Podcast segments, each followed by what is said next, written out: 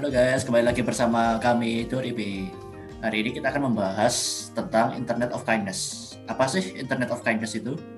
Jadi gini, Internet of Kindness itu eh, bagaimana kita menggunakan internet sebagai platform untuk melakukan kebaikan atau membantu sesama atau makhluk hidup lain. Eh, pernah nggak melakukan Internet of Kindness itu? Atau mungkin Robi atau Yasa ada contoh apa aja itu tentang Internet of Kindness? Oke, eh, aku duluan ya. Oke. Nah, aku nggak tahu ini masuk nggak ya. GoFood sama GrabFood tuh kan kalau misalnya kita pesen tuh bisa kasih tips toh. Nah itu itu kan lewat internet toh. Ami apa Betul. maksudnya lewat aplikasi. Harusnya itu juga bisa lah kita kayak ngasih ke pekerjanya gitu. Itu Boleh sih ngasih kayak tips gitu ya. itu bisa. Ya boleh masuk lah. Itu kan soalnya kan membantu juga kan ya, soalnya nggak langsung membantu drivernya. Betul. Ha. Jadi pekerja-pekerjanya kan apa istilahnya kayak dapat tambahan gitu. Kalau Tropi mungkin ada nggak? Ya, kalau aku biasanya kayak orang-orang galang dana itu lewat streaming atau live di platform-platform tertentu kayak YouTube, Twitch atau yang lain gitu. Itu kan mereka mereka kan biasanya isi kontennya yang positif, supporting. Ya kebanyakan sih main game, main game bareng streamer yang lain gitu. Jadi apa antar streamernya itu saling berkontribusi dalam menggalang dana tersebut. Oh, aku tahu ada contoh ada contoh kayak yang diomongin Robby itu kemarin tuh waktu pertengahan tahun 2020 tuh youtuber terbesarnya eh apa youtuber terbesar di YouTube itu si PewDiePie itu galang dana buat PLM bareng istrinya. Terus itu dia streaming gitu main game main game selama setengah hari itu. Terus kalau yang satunya lagi itu temennya itu Jacksepticeye itu akhir tahun 2020 kemarin dalam rangka Natal sama tahun baru juga dia galang dana judulnya Tankmas itu untuk orang-orang yang terdampak sama COVID. Jadi ceritanya tuh dia ngajakin teman-temannya, aku mau ngadain Tankmas, terus kalian mau ikut atau enggak gitu. Nah terus dia dia mainan sama teman-temannya yang dari Twitch. Nah terus beberapa youtuber-youtuber yang lain itu streaming sendiri. Hasil streamingnya tuh uangnya dikasih langsung ke Tankmas itu dalam 10 jam itu kalau nggak salah mereka menghasilkan 1,4 million dollar. Dan mereka Iya. streamingnya 24 jam sih. Keren sih itu. Keren. banyak. Ya banyak. Kalau streamer-streamer tuh kayaknya kalau menghasilkan apalagi kalau mereka streaming setengah hari gitu ya. Mhm. Itu donasinya besar banget itu. Eh, streamer-streamernya itu kalau nggak salah yang kalau yang dari YouTube, yang dari YouTube itu kan besar-besar kalau nggak salah tuh ada Mr. Beast. Mr. Beast itu kan emang sukanya bagi-bagi uang. Terus Iya. habis itu ada si PewDiePie itu tadi, terus Markiplier, banyak sih macam-macam.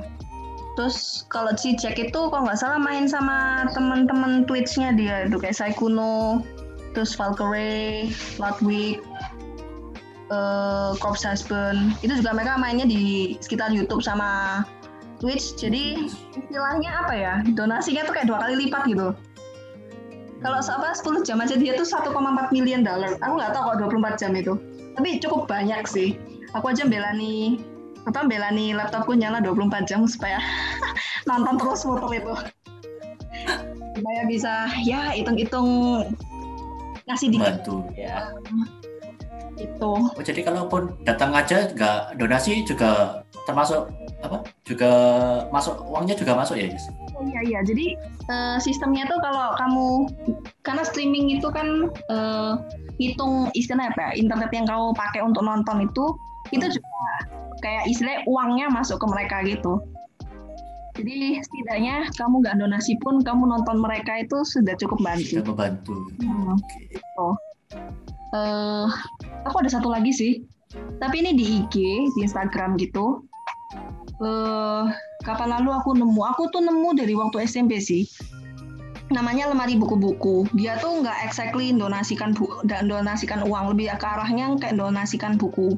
Kan kita tahu banyak banyak orang yang apa banyak orang anak-anak di pedalaman tuh yang masih istilahnya buta aksara toh nggak bisa baca tulis. Nah mereka itu platformnya lewat IG, lewat Instagram. Nah ngumpulinnya tuh kan lewat Instagram juga. kurang lebih bisa dibilang lewat internet lah ya itu meskipun mereka ngumpulinnya pakai fisik gitu ngumpulin buku gitu jadi orang-orang yang misalnya bukunya nggak dipakai nggak dibaca lagi nah itu bisa didonasikan ke mereka. Nah itu kan e, lemari buku-buku tuh yang buat kalau nggak salah seniman-seniman. Jadi seniman-seniman di Jogja, Bandung, Bogor tuh mereka semua ngumpul mereka ngumpul terus ya itu ngumpulin buku-buku itu. Nah nanti orang-orang yang donasikan buku itu dikasih sama mereka self portrait gitu. Jadi stylenya kan macam-macam tuh. Mereka bisa milih siapa mereka mau dapat self portrait dari siapa gitu. Itu ada berapa kok nggak salah seniman-seniman terkenal juga. Keren sih itu. Iya. Sih unik. Unik ah unik. donasi dikasih self portrait. Karena setahu ini setahu kita tuh biasanya kalau donasi pasti uang gitu kan. Mm -hmm. nah ini dia pakai donasi buku. Keren sih. Oke, itu jadi contoh-contoh tadi itu. Uh, sekarang kita ke topik utama pembahasan hari ini ya, yaitu uh, Internet of Kindness lewat salah satu website uh, kearifan lokal, website Indonesia, hmm. yaitu namanya adalah kitabisa.com. Nah, apa sih kitabisa.com itu? Uh, pasti sudah banyak yang tahu lah ya. Nah, tapi kan mungkin masih banyak, uh, masih ada yang belum tahu nih. Jadi kita bahas di podcast kita kali ini. Kira-kira Robi atau Yesa ada yang tahu nggak nih website kitabisa.com ini? Ya, aku aja. Weh.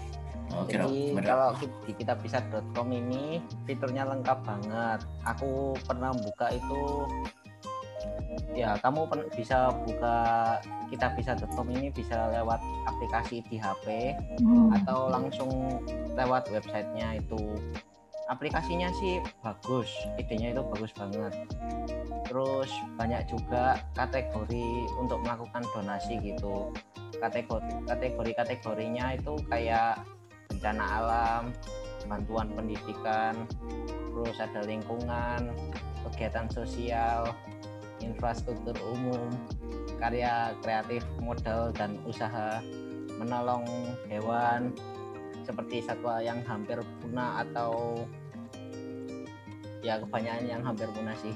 Terus ada bantuan medis dan kesehatan dan masih banyak lagi.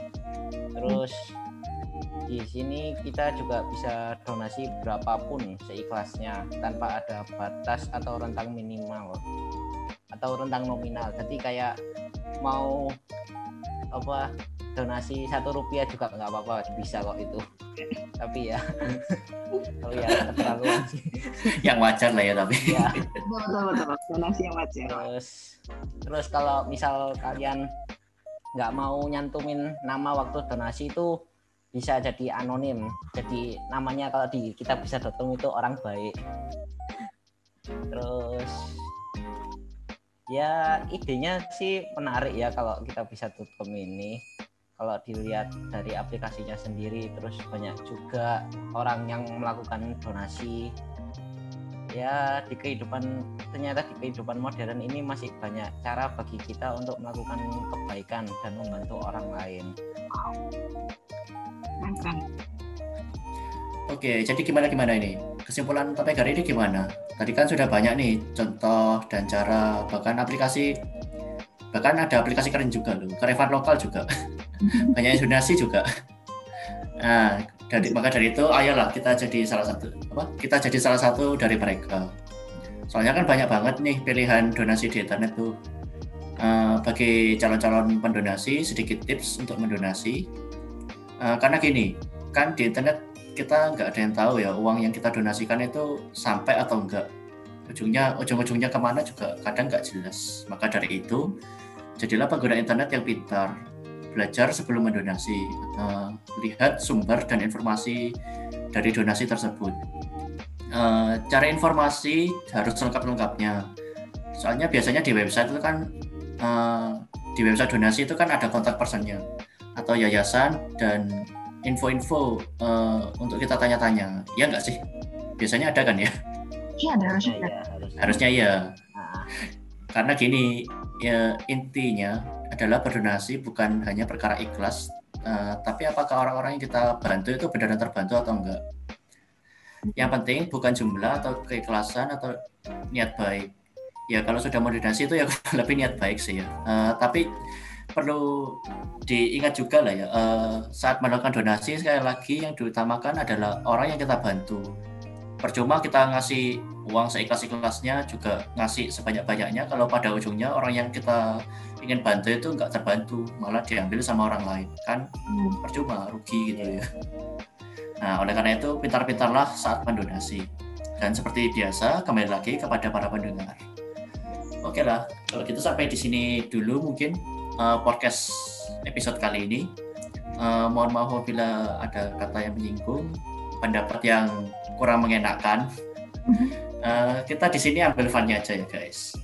Ya. Oke, okay, kalau gitu thanks for listening dan see you next episode. Bye bye.